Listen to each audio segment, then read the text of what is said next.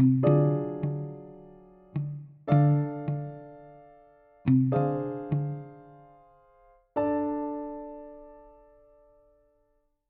bij de podcast Wie is de Narcist? Hartelijk welkom, ook als dit de eerste keer is dat je meeluistert. Dit kanaal is gewijd aan narcisme en in de podcast van vandaag gaan we het hebben over wat gebeurt er als een narcist een ouder verliest. Ja, interessant onderwerp vind ik zelf ook. Goed, wanneer een gezond persoon een ouder verliest, zorg dat er vaak voor dat hij nadenkt over zijn of haar leven en alles wat zijn ouder voor hem of haar heeft betekend. Voor iemand als een narcist is het beeld minder duidelijk. Ze hebben meestal een gecompliceerde relatie met hun ouders gehad. Narcisme wordt veroorzaakt door een vorm van misbruik, meestal door de primaire verzorgers. Dat zorgt voor een ingewikkelder uh, ja, reactie als een van de ouders overlijdt. Er zijn verschillende emoties die een narcist heeft als ze een ouder verliezen. Ze kunnen een gevoel van opluchting en vrijheid voelen, of ze kunnen het gevoel hebben dat ze verloren zijn zonder die primaire bron van voeding, narcistische voeding. Ze kunnen tegelijkertijd door gevoelens van verdriet, euforie, ja, empowerment, maar ook uitputting gaan. De rouwreacties die een narcist doormaakt als ze een ouder verliezen, zijn het resultaat van het trauma, de pijn, angst en onopgeloste conflicten die ze hebben vanwege die gecompliceerde relatie. Hè? En dat veroorzaakt veel verschillende soorten emotionele reacties, die allemaal worden bemoeilijkt door het feit dat hun primaire focus blijft op hun behoefte aan narcistische voeding. En we gaan in deze podcast uh, praten en meer te weten komen over de verschillende mogelijke reacties die een narcist op het moment kan hebben als ze een ouder verliezen. Dus hoe reageert een narcist als zijn of haar ouder sterft? Er zijn verschillende mogelijke reacties en de narcist kan door elk van deze heen gaan terwijl ze de emoties verwerken die onvermijdelijk naar boven komen als een ouder sterft. Zoals dokter Sam Vaknin opmerkt, hun dood vertegenwoordigt het verlies van de beste beschikbare narcistische voedingsbron en vormt daarom een verwoestende klap voor de mentale kalmte van de narcist. Dus laten we elk van deze nader bespreken. Ze hebben een slachtoffermentaliteit. Voor de narcist bekijken ze de dood van een geliefde, in het bijzonder een ouder, vanuit het oogpunt van hoe zit het met mij? Hoewel ze zeker de pijn van het verlies voelen, verandert hun vervormde realiteit dat verlies in iets dat hen tot slachtoffer heeft gemaakt. Het gaat niet om wat er met hun ouders is gebeurd. Het gaat erom hoe dat verlies hen pijn heeft gedaan. Ze moeten zich aanpassen aan de afwezigheid van een typisch belangrijke bron van narcistische voeding en hoe dat hun welzijn zal beïnvloeden. Of wat ik ook wel eens heb gehoord, het is een kosmische grap. Ja, andere manier waarop de narcist het verlies van een ouder bekijkt, is dat het een soort kosmische grap is die het universum met hen uithaalt. Het is een straf voor iets wat ze niet hebben gedaan. Ze hebben het gevoel dat ze de gevolgen van de dood van hun ouders moeten dragen, ook al verdienen ze dat niet. Ze maken de dood van hun ouders helemaal over de narcist. Het gaat niet om wat er met hun ouders is gebeurd, maar om wat ze zullen moeten doen nu ze er niet meer zijn. Ze gedragen zich op een manier die ieders aandacht op hen vestigt. Of ze ervaren oppervlakkig verdriet. hoewel de narcist verdriet kan uiten over het verlies van een ouder, wordt al snel duidelijk dat ze echt rouwen om het feit dat ze in de steek zijn gelaten. Het gaat niet per se om het verlies van hun ouders, maar om hoe ze in de steek zijn gelaten. Dit gevoel van verlatenheid kan al snel andere emoties die ze ervaren overschaduwen. Dit kan leiden tot dynamische uitingen van verdriet, zoals gejammer, in combinatie met woede. Ze rouwen niet omdat ze de overledene missen, maar ze rouwen omdat ze persoonlijk getroffen zijn door dat verlies. Of ze gaan uh, leven in een staat van ontkenning. Ontkenning is een sterke verdediging die narcisten zullen gebruiken om te voorkomen dat andere mensen hun kwetsbare emotionele toestand zien. Ze hebben zichzelf uitgeroepen tot superieure mensen en als zodanig kunnen ze niet rouwend worden gezien. Dat zou ze normaal maken. Hè? Ze kunnen dingen doen zoals grappen maken of lachen om het verlies. ze willen niet dat mensen zien dat ze getroffen worden door de, door de tragedie. Ze gebruiken ontkenning in feite als een manier om zichzelf te beschermen tegen het tonen van enige emotie. Dat telt niet voor alle narcisten nogmaals, want je hebt natuurlijk oh ja, de verborgen narcist, de kwetsbare narcist, die tonen dat wel. Die gaan echt heel erg ver. En, en ik wil even een voorbeeld noemen van een narcist, een verborgen narcist, kwetsbare narcist. Die heeft haar vader verloren en ze belde me op en ze zei: Patrick, mijn vader is overleden. En ik wist dat hij in het ziekenhuis lag met een, eh, maaginfectie of een bacterie. En uh, ik dacht: oké, goed. Uh, sorry, gecondoleerd. En ik schrok er ook van. Ik dacht van mij: nou, ik dacht dat het niet zo super ernstig was, hè, want de dokter zei het is niet zo ernstig hoor, het komt allemaal weer goed. En hij heeft het dus toch niet overleefd en dat vond ik echt zielig. En ik zei gecondoleerd. En toen zei ze van, goh, alsjeblieft wil je voor me bidden? Ik zeg ook, dat zal ik voor je doen. En ze zei, kun je alsjeblieft bidden dat hij weer opstaat? En ik dacht, oh, oké, ehm, goed, je rouwt op jouw manier en misschien is het nog niet tot je doorgedrongen dat je vader is overleden. Kan ik heel goed begrijpen. Iedereen rouwt op zijn manier. Je hoopt natuurlijk dat hij weer opstaat of zo. Hè. Dat, dat heeft misschien iedereen wel die uh, hè, een ouder heeft verloren. Dat je hoopt van, oh nee, alsjeblieft, kom weer tot leven. Hè. Uh, dat, dat, dat is denk ik wel een normale reactie. Dat je ouder weer uit de dood opstaat, als het ware. Hè. En de, realiteit, de realiteit dringt nog niet tot je door. Maar na een paar dagen kwam ze weer. En, toen, en dat was dan al drie dagen. En toen vertelde ze van, oh wil je alsjeblieft voor me bidden? Mijn vader is nog steeds niet opgestaan. En dit, dit is een verborgen religieuze narcist waar ik het over heb.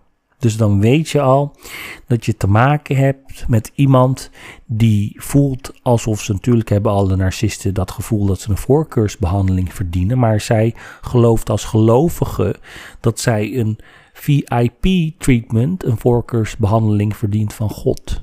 dus dat zij een speciaal kind is of zo van God. En dat uh, God alles voor haar doet. Dus die zal haar vader uit de dood laten opstaan. Dat was haar gedachtegang. En nou ja, goed, dat is een verborgen religieuze narcist. Die houdt de Bijbel in de linkerhand en een mes in de rechterhand. Hè? En die kende een handjevol Bijbelversen uit hun hoofd die ze gebruiken.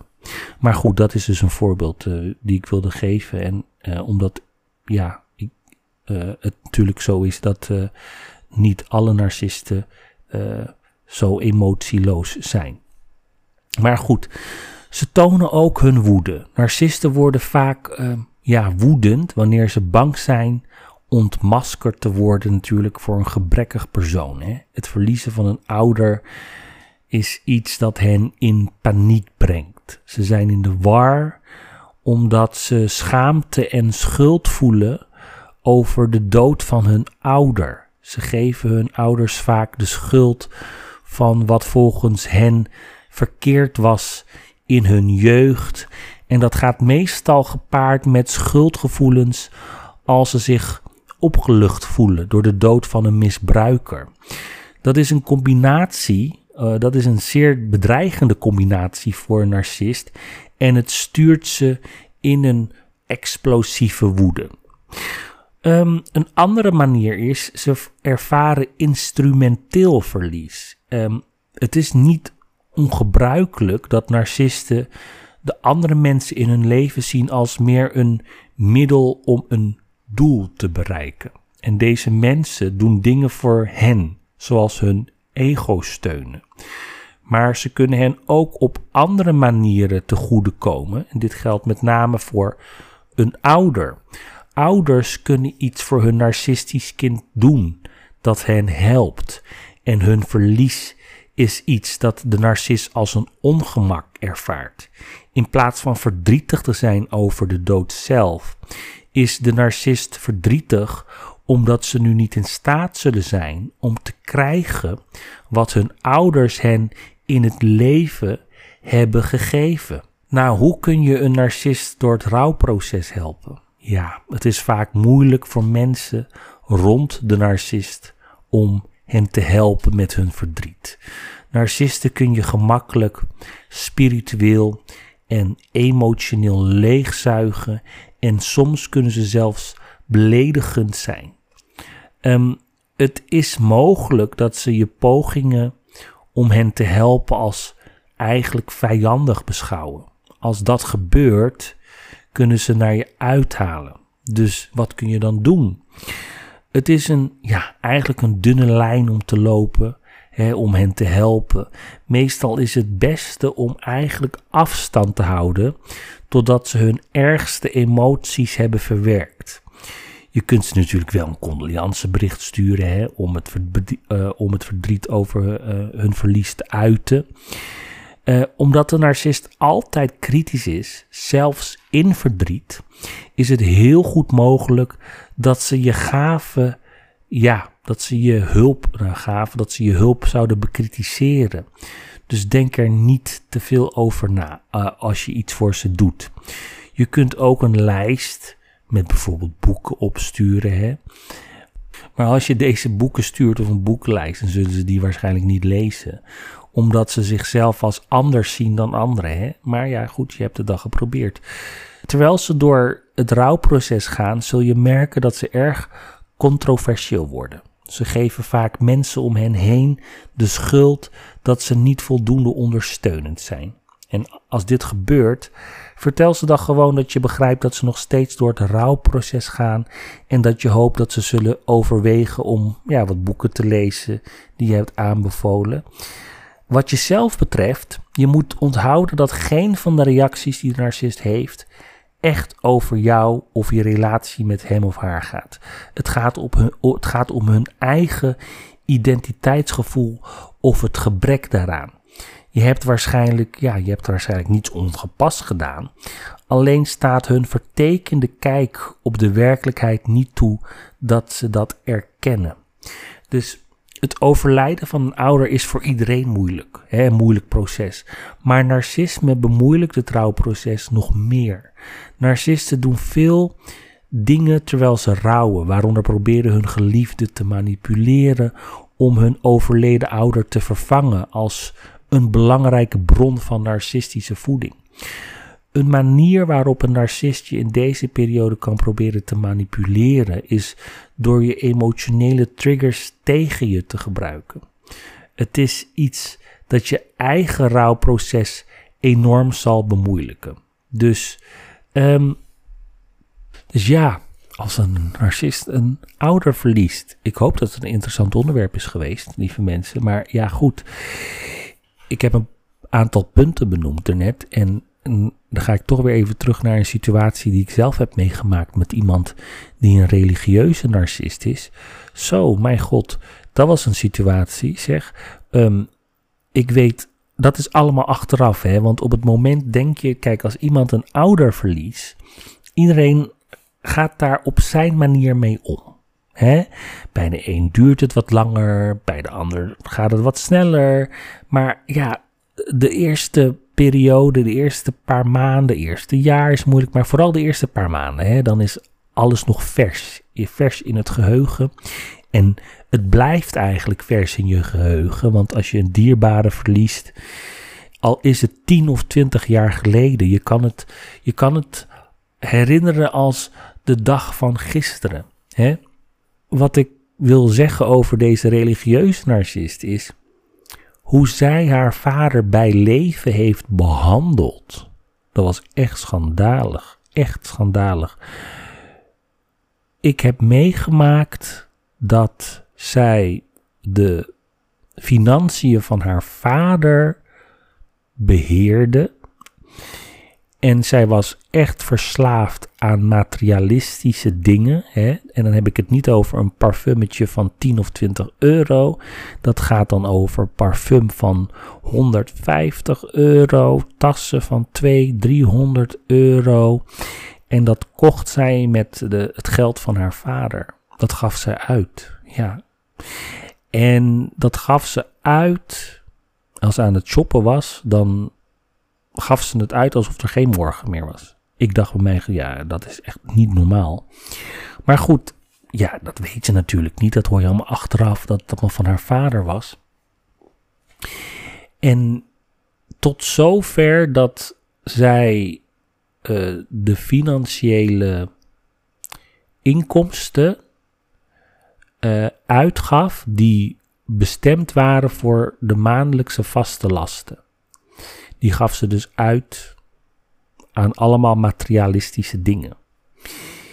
En ze was geobsedeerd door haar uiterlijk, vooral het gezicht. De verborgen narcist is heel erg uh, geobsedeerd op haar uiterlijk, vooral het gezicht. Want dat is dus die, uh, ja, hoe zij uh, slachtoffers uh, hè, naar haar toe trekt, hè, of inzuigt als het ware. Dus die was ook echt, dat was echt wel, als je het dan hebt over mensen die selfies maken, dat was echt iemand die de hele dag selfies maakte. Maar alleen maar van het gezicht, hè, want ze was best wel uh, dik, hè. Ze was niet slank of zo.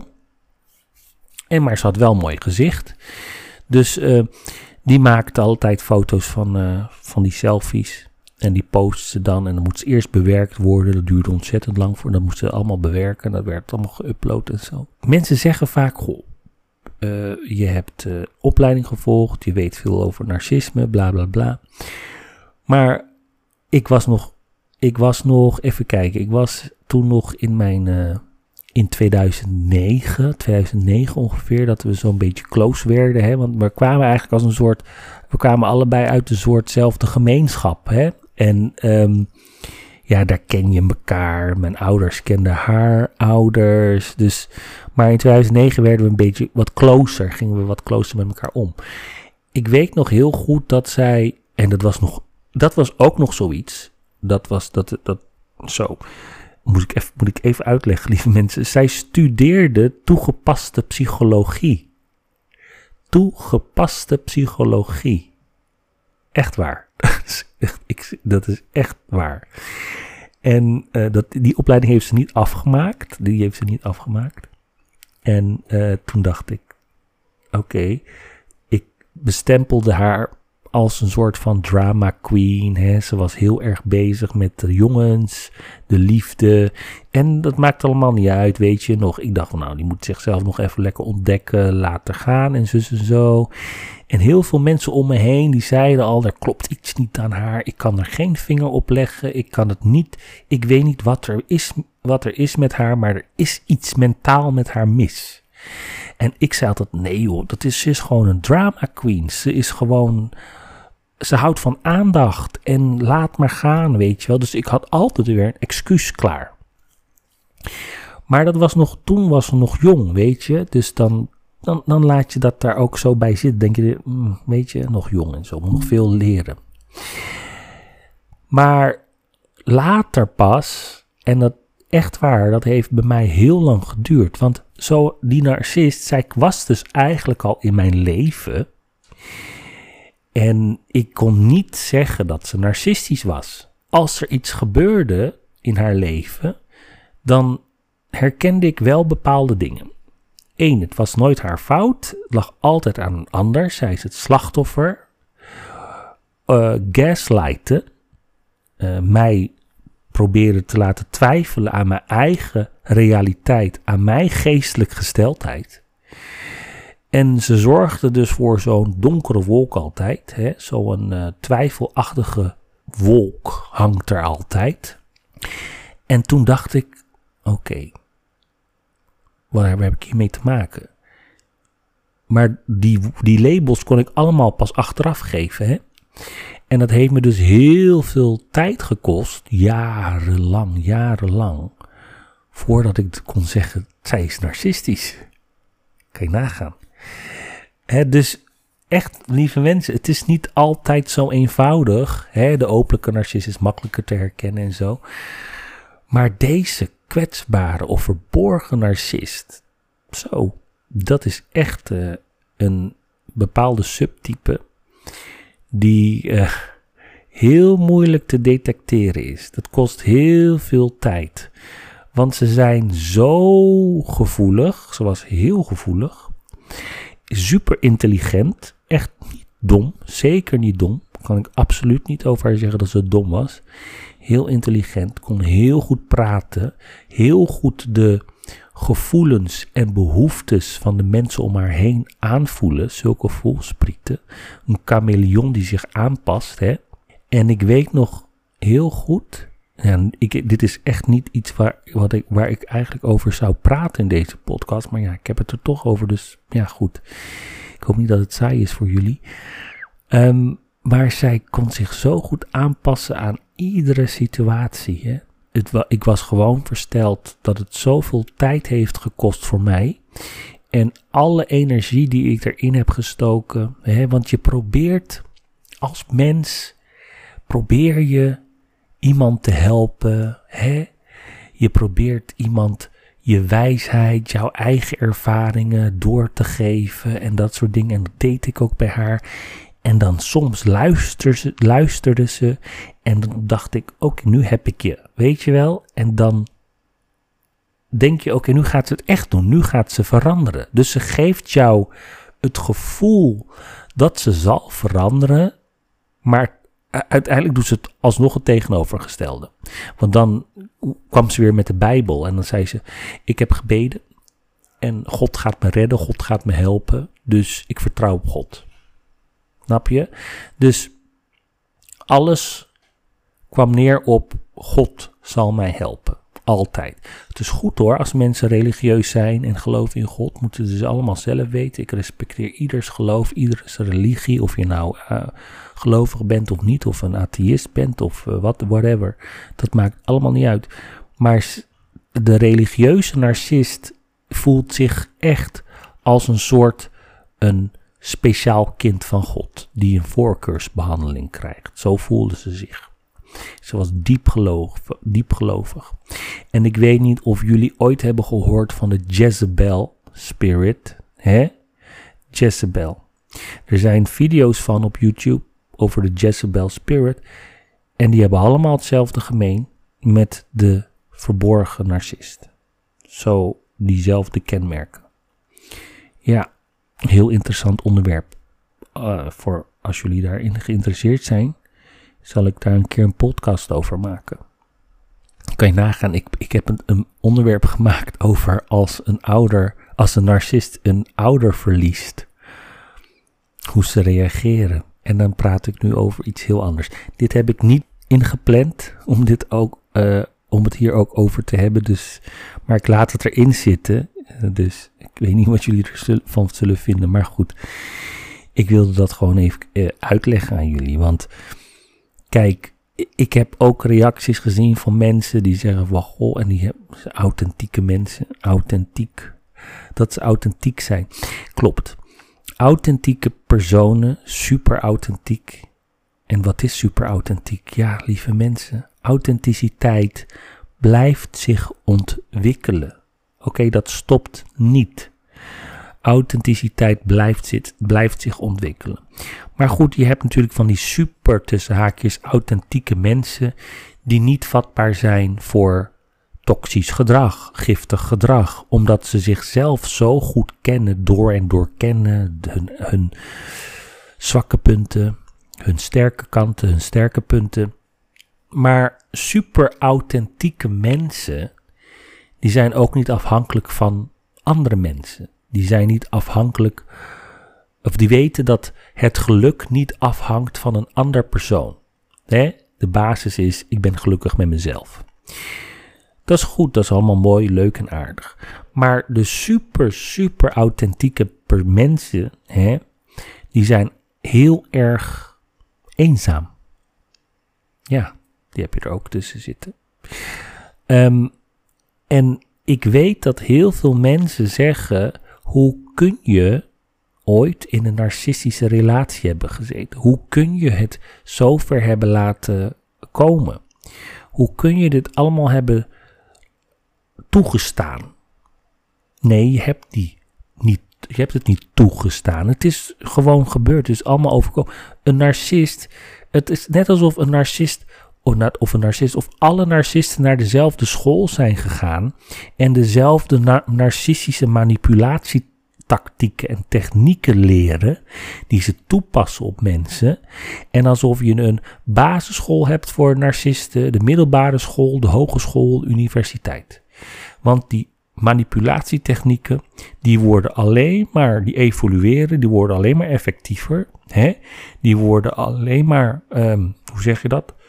Um, verbeterd, sterker gemaakt, noem maar op.